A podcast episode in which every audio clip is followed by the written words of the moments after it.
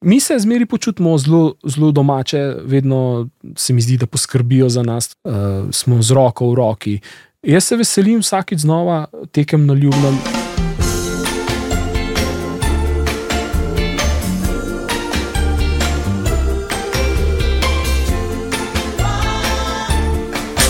Pozdravljeni v novem ljubnem podkastu.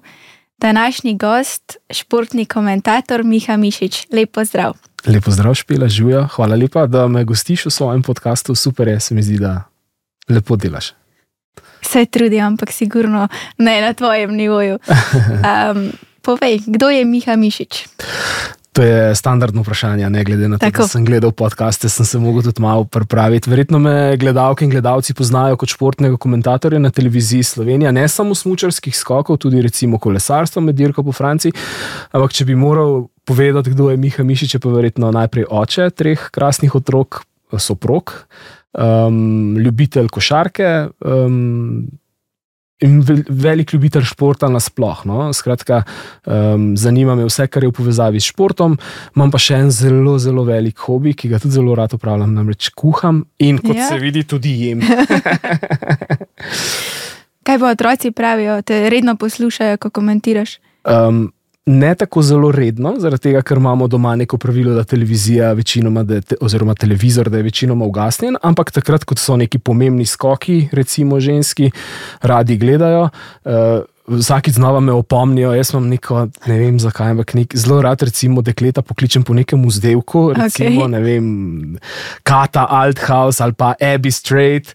Uh, in potem reče, oči, spet si rekel Abby, a spet si rekel Kata, so pač zelo uh, slabe, vol, slabe volje, malo ko se jezijo, ampak drugače pa mislim, da mi je všeč, kako delam. Ja. Raje poslušajo, ko komentiraš kolesarstvo ali ženske smučarske skoke? Mislim, da eh, kolesarstvo gledajo zelo malo, ker je to v času poletnih počitnic, okay. ženske skoke pa gledajo, mislim, da raje gledajo ženske skoke. Ok, točka za ženske skoke. Proti nič, ja, drži. Koliko časa se ukvarjaš um, sploh s komentiranjem? Se pravi, jaz sem na televiziji Slovenija od leta 2003, 20 let je bilo zdaj decembra, eh, kar sem sodeloval športnega programa televizije Slovenija. Prvi neposredni prenos sem naredil, mislim, da leta 2012, košarko, državno prvenstvo. Čisto točno, kdaj sem začel komentirati ženske skoke, pa ne bom vedel, ampak mislim, da recimo pet let nazaj, šest let. Predtem sem bil novinar za uh, skoke Okay. sem hodil veliko po terenih, uh, spoznaval ta šport, se družil. Bil sem, recimo, imam en tak zelo super privilegij, bil sem uh, zelo blizu, ko je Peter Prevc osvojil veliki kristalni globus in bil v Kazahstanu, v Almatiju, takrat, ko ste bile tudi ve. Uh, jaz sem bil takrat novinar in sem pospremil, takrat, ko je Peter tudi teoretično postal skupni zmagovalec skupnega seštevka svetovnega pokala. Uh, tako da najprej sem se uh, uril kot novinar, spoznaval kot rečeno šport, um, se družil s kakalci. Potem sem pa enkrat prišel na idejo, da bi mogoče takrat ženski smočarski, ti zelo dobro veš, kakšen je bil razvoj ženskih smočarskih skokov. Um, Najprej jih ni nihče imel, ki je dosti za mar. Ja. Uh, tudi na televiziji so bili bolj neki krajši, skrajšani posnetki ali pa sem druga serija v neposrednem prenosu. In takrat sem jaz rekel, škoda, da en komentator za moške skoke, ki so bili pa vedno priljubljeni pri nas, zelo veliko gledalcev je bilo, škoda, da en komentator se izgubi, zato ker mora komentirati sam povzetek. In sem rekel, uh, bi pa jaz se lotil tega. Uh, in bodo Aleš Potočnik, Andrej Stare, Peter Kavčič, ne, lahko se skoncentrirajo na moške skoke in sem mu takrat srečal. Takrat so se začeli, pa dobro, se tudi v tvojem času je že bilo, seveda so bili uspehi, tudi zmage v svetovnem pokalu, ampak takrat je bilo potem eksponentno vse skupaj. In tako sem postal komentator ženskih smočarskih skokov in um, pospremil tudi zlato olimpijsko kolajno.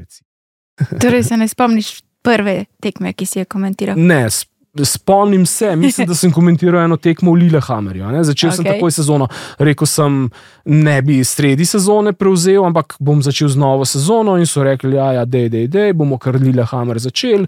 In sem pač pol pospremil ta Lillehammer, in potem je šlo tako naprej. Uh, seveda v prvi sezoni nisem komentiral vseh tekem, ne. takrat če zmeri, recimo, vem, da je bil Andrej Stare zadolžen za Japonsko in on je vedno uh, komentiral Sapporo in Zao. Uh, potem je recimo neke, neka prizorišča, tudi Aleš Potočnik, vem, da je tudi Peter Kavčič takrat pospremil. zaključek ženskega svetovnega pokala. Skratka, nisem cele sezone jaz delo. Uh, potem je pa prišlo do tega, da recimo v zadnjih dveh sezonah pa večinoma ženskih tekem jaz spremljam tudi letos, bo tako uvajamo enega novega komentatorja. Tako da, ja, je zanimivo, vsekakor. Prvi glas ženskih skakov na radio televiziji Slovenije. Ja, to me pa veseli. No, da je tako. Sem dobil tudi eno, eno, enkrat mi je radio ena dal eno kolajno in jo okay. obešeno tam v svoji pisarni. Sem rekel za piše tako zadaj, najglasilke 2022, ali pa se malo pohvali s tem. Ja. um, kako izgleda sploh priprava komentatorja, ne vem, recimo tekma na japonskem? Um, priprava izgleda tako. Na, uh, glavnino dela je upravljenega pred sezono. Uh, ko si urediš statistiko, dokumentacijo, in jaz imam recimo en tak sistem, da imam za vsako skakalko, še vedno imam tudi tebe v bazi. In, ja. uh, za vsako skakalko imam listek velikosti A5, se pravi polovico A4, in na tem listku imam zapisano vse podatke o skakalki. Se pravi, vse tisto, kar mi potencialno lahko pride prav med neposrednim prenosom. To je en del priprave. Se pravi, jaz imam zdaj teh listkov, meni se zdi, da jih je okoli 140 zdaj za aktualno sezono. Okay. Uh, skratka, imam vse te. Če se pojavi nova skakalka, naredim nov listek in si pač na tem listku je zbral uh, osnovni podatki, njeni dosežki, njene zanimivosti, kako je potekala njena lanska sezona, vse rezultate iz letošnje sezone, uh, kako je bila polet. Skratka, imam, to je priprava za vsako skakalko posebej. Potem imam en dokument, na katerega sem full ponosen, imam vse stopničke in vse zmage. Uh, za vse skakalke v zgodovini svetovnega ženskega svetovnega pokala. Potem imam rekorde, vse spolete čez 200 metrov, potem imam vse trenerje, ki jih uh, posodabljam, če se kakšen nov pojavi. Potem imam um, za vsako prizorišče posebej pripravljen poseben dokument. Skratka, uh, v, v glavnem, glavnino dela komentatorja, vsaj mene, kot ženskih smočarskih skokov, je opravljen pred sezono. Seveda pa med sezono je pa treba vse te listke posodabljati z povečevanjem števila zmag, s povečevanjem števila stopničk. Skratka, pred tekmo pa. Uh, Vsako tekmo pa pač potrebujem spet eno določeno količino dela, da vse te stvari posodobim. Um, moram pač tukaj poudariti, da nikoli ne porabim vseh podatkov, ki imam pripravljenih. To je izhod v sili, recimo, pride, kdaj se zgodi kakšen poškodba, kot mm -hmm. se je nažalost na lansko leto na Ljubnem zgodilo, da je Urša Bogataj padla in se ponesrečila, in je pač bila določena pauza, recimo 15 ali 20 minut, da so ja. jo pač pomagali. Takrat pa pol pridejo prav neki podatki, ki jih imaš, ali pa neki po spominu, neka asociacija pride. Takrat pa pol pridejo uh, ti podatki prav. In, uh, ja, um, tako je naše delo. Jaz se tega nisem sam zmislil. To so mi moji kolegi predali, Andrej Stare, Aleš Potočnik, kot sem rekel, Petr Kavčič, tudi nekateri drugi. Da, ja, um, v bistvu moraš biti kar mini detektiv. Skoraj da. Ja. da preiščeš, kaj kdo a, počne. In... A, a veš, je pa precej lažje, recimo, ko prideš na teren. Uh, tam, tukaj pa tudi ti zelo dobro veš, kako je. To je ena velika družina. In ti ljudje so vse čas isti, se pravi, tudi komentatorji, novinari smo enaki, trenerji, tekmovalci. In ob nekem prostem trenutku ti se zapleteš v kakšen. Klepet, kakšen trener. Recimo, jaz sem se v Oberstdorfu zapletel v kar dolg pogovor z Martinom Bajerjem, trenerjem yeah. Ja. češke reprezentance. In sem takoj dobil podatkov, ful, sem si jih zapisal, potem in nikdar ne veš, da bo Indračkova naredila nekaj, ne? in potem ti pride podatek vedno prav.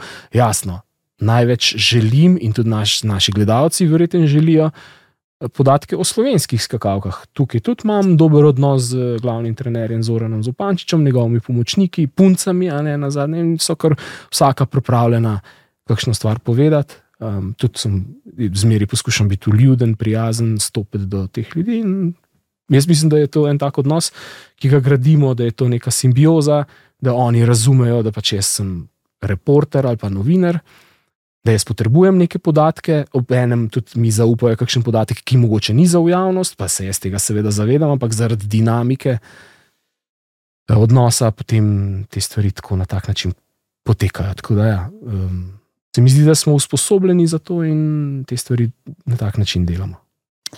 Pa ti kdaj, kašno tekmovalk pride in reče, zakaj si to rekel? Ma ne, v resnici niti ne, vedno pazim, da je, da je dostojno. Se mi, pa, se mi pa recimo zgodijo, se mi je pa že zgodila ena stvar. Um, recimo enkrat sem pri eni košarki, ki sem komentiral Jadransko ligo, sem enemu tekmovalcu, en, enemu športniku, enemu košarkarju, sem ga razglasil, da, bil, da ima težave s srcem. Uh Mhm. -huh.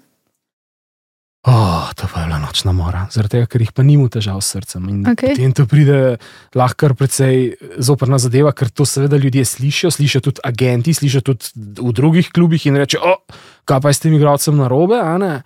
Pa, pa pride lahko re- res problem. a ne. In jaz sem se temu igralcu, meni se zdi, samo ene petkrat se upravičil. Nisem naredil na laž napake, ampak se zgodi. ne.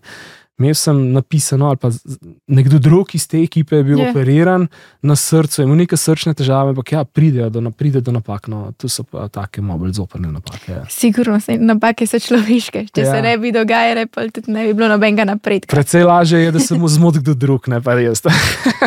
Ampak se zgodi. ja, to pa je res. Ja.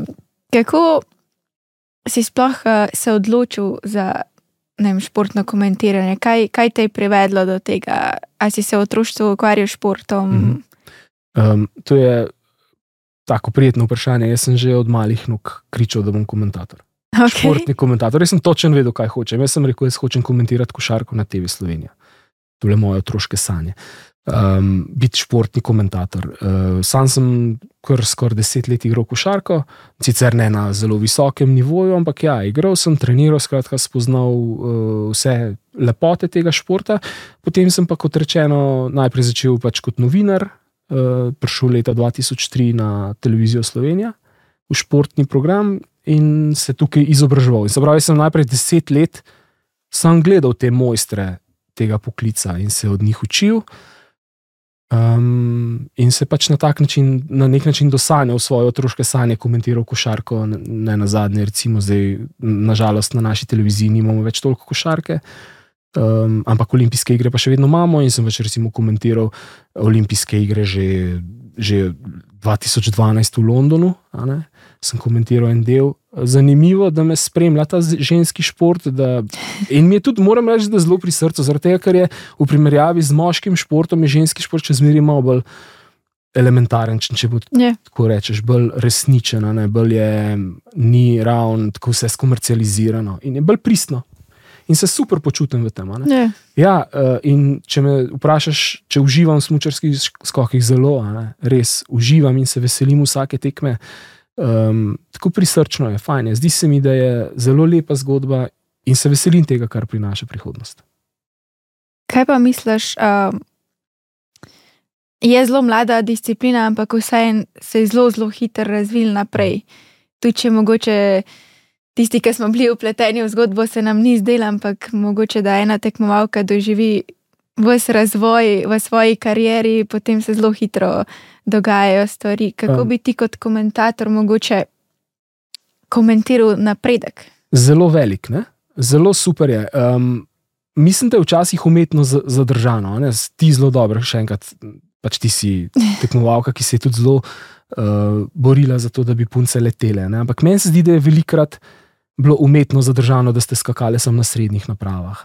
Potem, ko se je to odprlo, ko se je pokazalo, da punce lahko. ne, Um, ta razvoj je bil res skokovit. Uh, Je je pa velika sprememba. Recimo, če pogledamo neke fotografije izpred desetih let, so bile punce popolnoma drugače izgrajene kot so zdaj. Le. Skakalke zdaj so prave skakalke, letalke, ska, skakalke, že bolj podobne tudi fantom in tako. ne.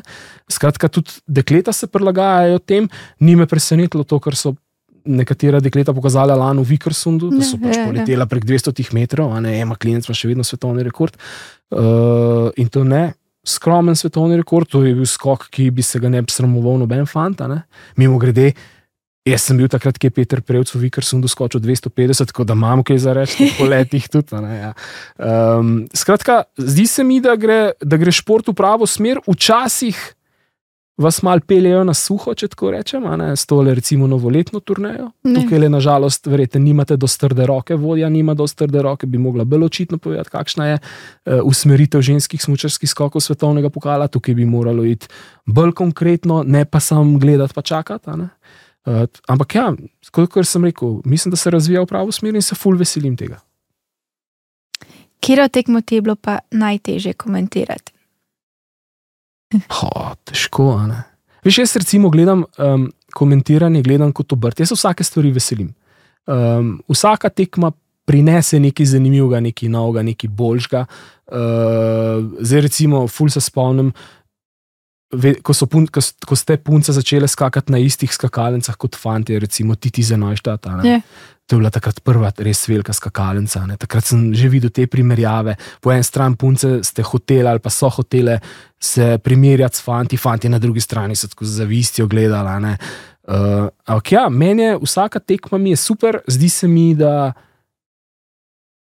ne smeš podcenjevati v mislih tega, da pač, a, zdaj, to je pa neko sranje ali karkoli. Ne. Ne, vsaka tekma je, punce pač skačejo na svojem nivoju, vsaka tekma je lahko zanimiva, da bi bilo meni men težko. Uh, komentirati, kakšno. Jaz ravno tako uživim v neposredni prenos ženskih smočarskih skokov, kot recimo v finale košarkarskega olimpijskega turnirja. Meni je vsaka stvar mi zanimiva. Uh, tako da, v bistvu, da bi rekel, da, se, da mi je neka stvar za težko opraviti. Ja, pridejo recimo vem, nočne tekme, ki si jih Ja, omenila ja. na japonskem, ampak to je iz fizičnega vidika, zaradi tega, ker je bioritem drugačen. Drugače pa se ful veselim in ki, ko pridem noter v tale feeling, a ne, takrat sam spustim in rečem, jaz sem, jaz sem tukaj. ne. Pol misliš, da si na japonskem. ja, Ja, ja, pa ampak lahko bi šel tudi na japonsko. Ja, dobra ideja. Ful Ja. bi šel na Japonsko. Ja, ful, recimo tudi takrat, ko sem začel komentirati, sem rekel, dajte me poslati, da bom vsaj videl, kako skakalnice izgledajo. Ja. In moram reči, da je recimo večino skakalnic v svetovnem pokalu sem videl, bil sem recimo, ok, ne zdaj v tem novem Trondheimu. Bil sem v Oslo, Holmenkoln me je navdušil, recimo, Ja. yeah. super skakalnica, zelo lepa. Videl sem vse te velike skakalnice. Po eni strani, a ne, televizija je, eh, to ti zdaj spoznavaš s podcasti, je sam en del, a ne, recimo, uh, kulem, a ne, je slišati ful spektakularen, v resnici pa to sem hrib s pašniki. a ne. Holmenkoln je pa res prizorišče, ki ga tudi imajo zelo radi, govorim norvežani sami. Ja, res je. Uh, tako da bi šel vse te pogled. Me, me veseli Oslo, uh, Saporo, me ful veseli s tistim pogledom dol na Saporo. Bi si ful rad pogledal, kako je. Ja, Pa Sapporo blizu ti je, siguran a? priporočam, zao Ne, ne. ja, okay. Saporo bi šel takoj. Sej Trondheim verjetno naslednje leto. Uh, svetovno prvenstvo, ja. Uh, Trondheim je bil ful všeč um, z, tisto, z tisto rečico po, po sredini mesta. Ja. Uh, pa se mi zdi, da Norvežani vsi sami po sebi že tako so dobri organizatorji. Ja, uh, organizatori se vedno potrudijo za skakalke, nažalost, recimo gledalci tega veliko krat na prizoriščih ne prepoznajo, ampak ja. Um, Tekme so pa organizirane v redu, tudi recimo za novinarje je lepo poskrbljeno, vedno to, da to je tako lepo doživetje. Torej vas nikoli ne pustijo, da zmrzujete nekje od zunaj. Mislim, da to ni od organizatorja odvisno. No, ja, Zdaj, če ampak ves- da a ja, okay. poskrbijo. Zdaj si me vprašala, zdaj, evo, zdaj gre nazaj, mi gre, si me vprašala, kaj je bila najbolj neprijetna izkušnja. Ja. Yeah. Ja, olimpijske igre v Pekingu, ne, minus 26 stopinj, mislim, uh, kdo, kdo hoče. Kljub temu, da, veš, jaz prihajam iz blok drugače. ne, Ja. eh, In na blokah obstaja en, en hec, ki se mu reče, da na blokah gremo po zim se v skrino pogret. Okay. In so vsi rekli, in so takrat rekli, ja, ampak to je res peklensko mrasa. Ne. To so pač neprijetne stvari, ampak lahko vplivamo na to. Ne, ne moramo, tudi vi ni, ne morete. Ne. ne moramo, tudi če ni prijetno, pač. Treba je. Treba je. ukrepati, a Ne, ja. Tako da pač, ja, to je pač vzameš kot službo, je pa pač celotno doživetje vrhunsko in ga ne bi zamenjal za nič na svetu. A pa so vam kot novinarjem olimpijske igre tudi. Ne vem, pač nam kot športnikom so olimpijske igre, wow, tu svetovna prvenstva, vedno nekaj posebenega, Mhm. ni to neka vsakdanja tekma. Kako je pa to za vas? Highlight, totalen. Uh, se pravi, vsak si želi iti na olimpijske igre. Vsak.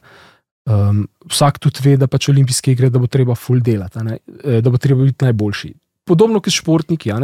In ti moram povedati še eno stvar. Vsi športniki, ki se kdajkoli uvrstijo na olimpijske igre, so vrhunski športniki in vrhunsko medijsko komunicirajo. Se pravi, športnik, ki ni medijsko sposoben komunicirati, najverjetneje nikoli ne bo prišel na olimpijske igre. To je, gre kar z roko v roki.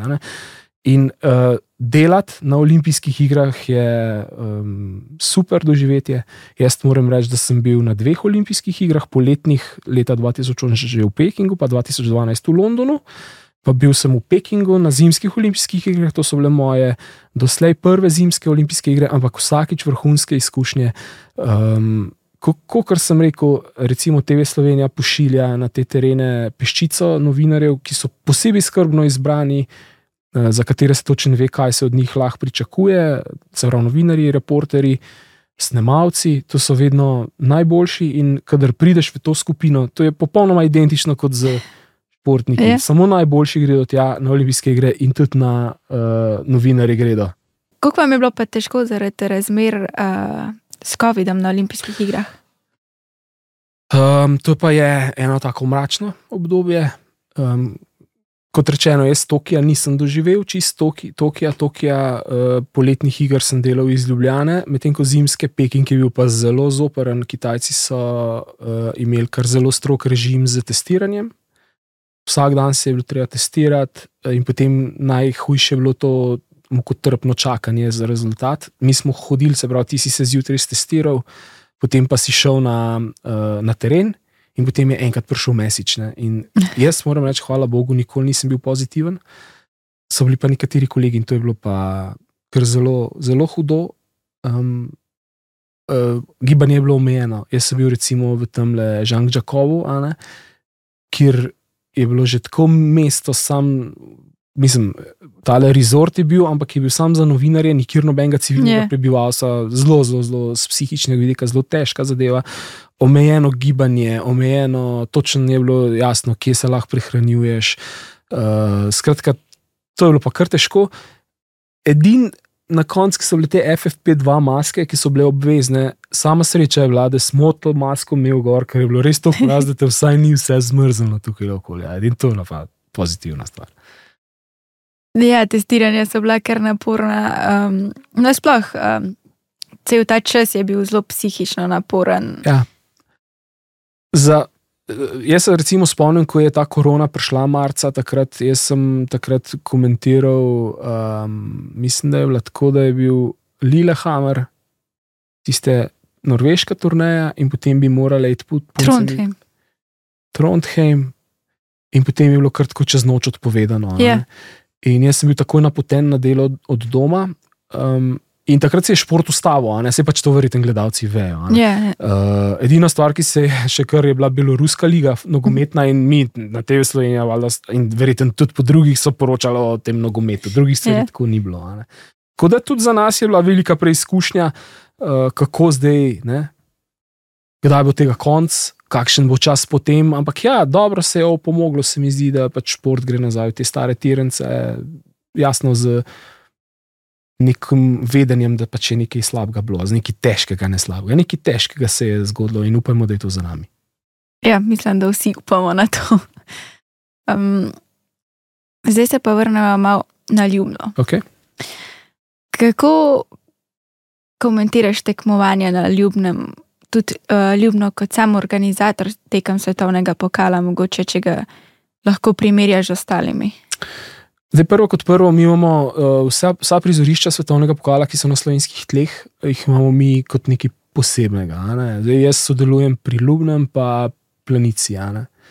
Za te projekte se ful potrudimo, vedno poskušamo najti zanimive vsebine za naše gledalce. Vedno se počutimo zelo v redu, in na Ljubnem, in uh, v Planici. Um, Planica je večja, ja. se malo zgubiš, tako mi sem govoril, organizacijsko več ljudi je. Ljubno je pa majhno, je pa, je pa vse tako po domače, ne po domače v slabem smislu. Pač ja, dobro se počutimo, fajn, fajn se imamo, vedno smo ekipa, tudi z organizatorji. Mi se zmeri počutimo zelo, zelo domače, vedno se mi zdi, da poskrbijo za nas, tudi za, pač za sodelavce TV Slovenije. Uh, smo z roko v roki. Uh, Jaz se veselim vsakeč znova tekem na Ljubnem. Moram reči, da mi je bil zelo, zelo všeč ta novoletni termin, zelo všeč. Je pa jasno tako, ne, da na Ljubnem je tudi turističnih kapacitet omejeno, ne, kar pomeni, da se morajo ali punce, ali novinari, ali kdorkoli že se morajo oddaleč peljati. Ne, to je pa pač problema. Um, mi imamo srečo, se nekako dogovorimo, da imamo neko bližnjo nastanitev. Drugače, se pravi, zgornja Savinska dolina, zelo gostoljubna, krasna hrana, to je pomembno za novinarja, ne za vse. Um, ja, super. Drugač, kar, se, kar se tako tiče, itak je to za nas. Je, za me osebno, če me sprašuješ kot komentatorja, Ja. je to sigurno vrhunec vsake sezone. Vsake sezone. Pa vidiš, kakšne razlike, v koliko let si zdaj komentiral tekme na Ljubnem? Ne vem, po moje. Že, že prej sem bil enkrat voditelj studia, je potočnik komentiral. Ja. Uh, skratka, jaz mislim, da sem bil ene petkrat, recimo. Uh, mislim, ne da se primerjati, že zaradi tega, ker so ljudje poznani, nasmejani, vejo, da recimo pridemo mi. Recimo, če gremo v neko Nemčijo, ne, tam noben ne ve, kdo je Miha Mišič, pa se logično. ne. Če pa tle pridemo, se pa počutimo domače, pa reče, o, to so pa naši televizijci in se takoj počutiš tako, čist drugače. Mislim, super, res. Uh, nimam, nimam kaj, vse se da domeniti. Jaz sem zelo človek, ki grem rad še malo po kakšnih šotorih, pa, tako, Ja, pa ne ja. vip šotorih. Tam grem h- teptače malo pogledati, pa se zvečer srečamo z delavci, ki pripravijo tudi uh, z tvojo družino. in Ja. Tako, ja, to je tako vse fajn, vse se imamo, se smejemo, dobre volje smo. Imaš občutek, da narediš nekaj dobrega, to je ljubno. In jaz mislim, da tudi ljudje, ki pridejo na tekmo, začutijo to neko domačnost, rečejo, tu so naši. Ja, super, mislim, vrhunsko. A misliš, da je za tekmovalke pomembno ljubno? Tako za slovenske tekmovalke, kot tudi za tuje. Za slovenke z- zanesljivo, če ne drugega, zaradi tega, ker pride ta nacionalni paket ne, in pride reprezentanca res velika. Vsakič, čez vsako leto se zgodi, da kakšna pride mlada, se pokaže. Sicer včasih se zgodi, recimo, ko sem prej omenjal te listke, ki imam pripravo, Ja. imam še zmeraj ene punce, ki po mojem to sploh več skačejo, ne več. Ampak ja. Vsakič se pokaže neka punca, pride do kakšne točke svetovnega pokala, tako da za slovensko reprezentanco je sigurno pomembna. Za druge, um, občutek imam, recimo, da se neke tujke malo mal vi- vihajo nos, niso čisto zadovoljne s tem, kar je tukaj. Skakalnica je specifična, to boš bolj ve, več ti vedela povedati. Nekaterim ne ustreza. Uh, skakalnica je majhna, uh, malo drugačna. Jaz mislim, da si punce želijo skakati na velikih. Ja, sigurno. Tlele je pa ljubno, je pa pač tako. Ja, tele načrte, ki so jih predstavili lani, ne, da bi naredili uh, center panožnic celo, ne, to bi bilo super. ne. Uh, tudi se tvoji gostje v, prej v podcastih so govorili o tem, uh, kar je. To bi bilo ena taka dodatna draž za ljubno, da bi bila recimo velika skakalnica. Ti bi bilo super, ob predpostavki, da seveda bodo tudi ljudje prišli ob skakalnico in dali ton temu. Ja, mislim, da je bil zelo pomemben korak ta silvestrska turneja, ki šel, je šla zdaj v to turnejo dveh noči, ali kako vi ste slovensko, večerov, ja, dveh večerov, Dveh večerov ja, smo. um, ki po mojem mnenju je bila zgrešena že z imenom. Nekako ni.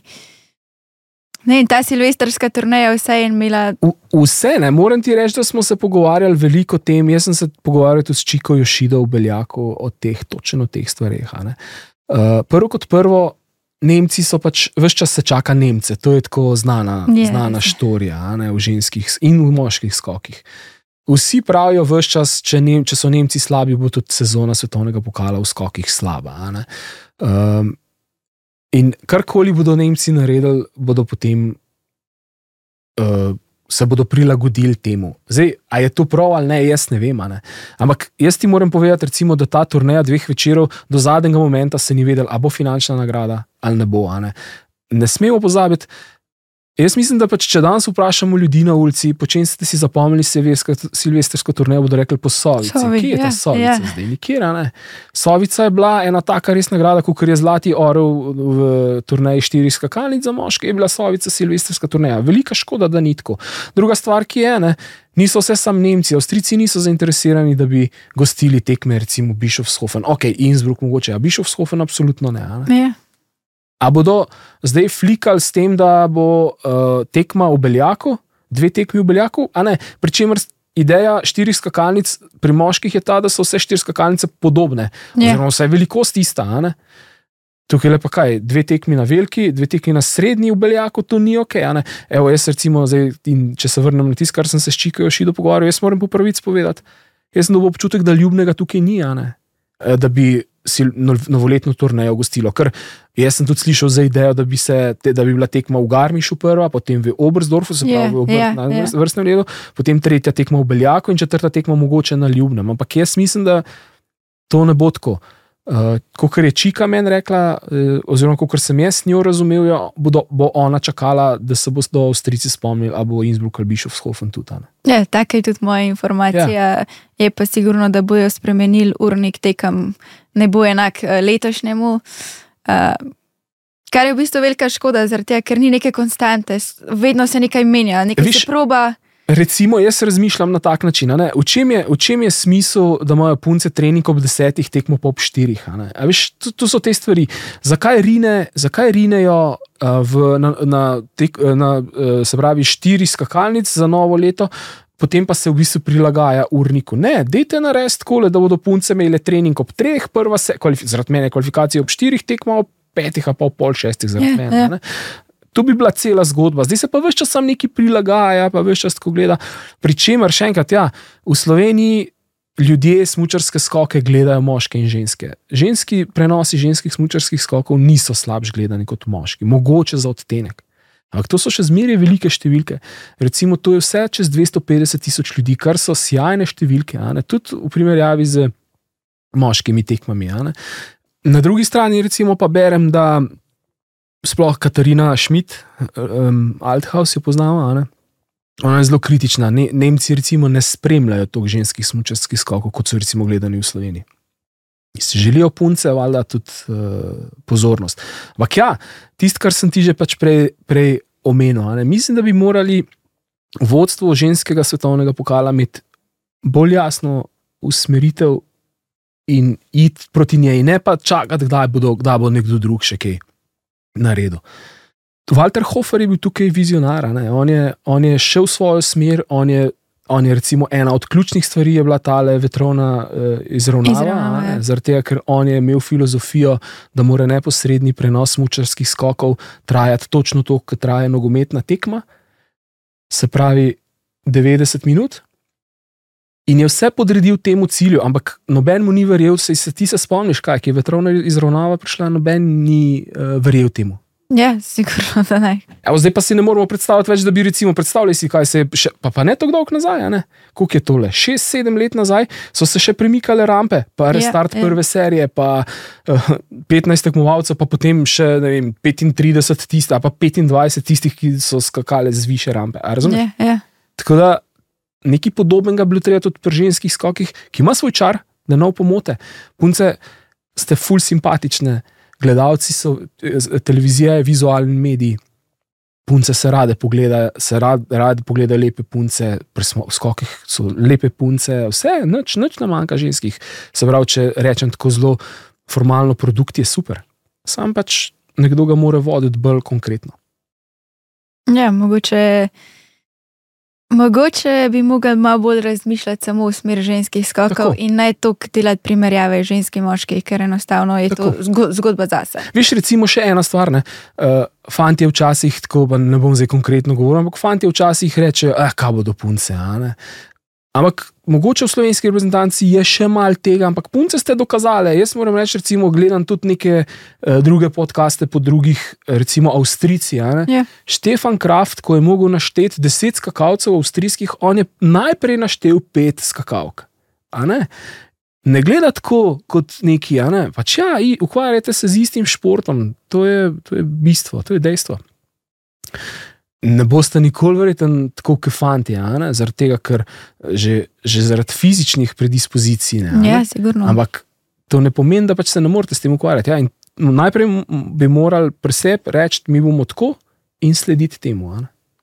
Ja, ker mene je vedno motila ta primerjava. Uh, fantje, punce. Mhm. Ja, mi imamo svojo zgodbo, oni svojo zgodbo. Nikoli nikol ne bo enaka, že zgodovina je tako daljša. Vse, Ena od nekdanjih tvojih reprezentančnih kolegic mi je med enim neposrednim prenosom v Titi za Neuštadu uh, napisala: Hej, da je ful bi bilo zanimivo, da v drugi seriji poveš, z kakšnih naletov pa fantje skačejo. Pa sem šel takrat pogledat in recimo moram reči, da, da, da so razlike kar velike. Ampak a, ni fora v tem. Sej Ne. fora je, da pač valjda bodo punce morali imeti večjo zaletno hitrost.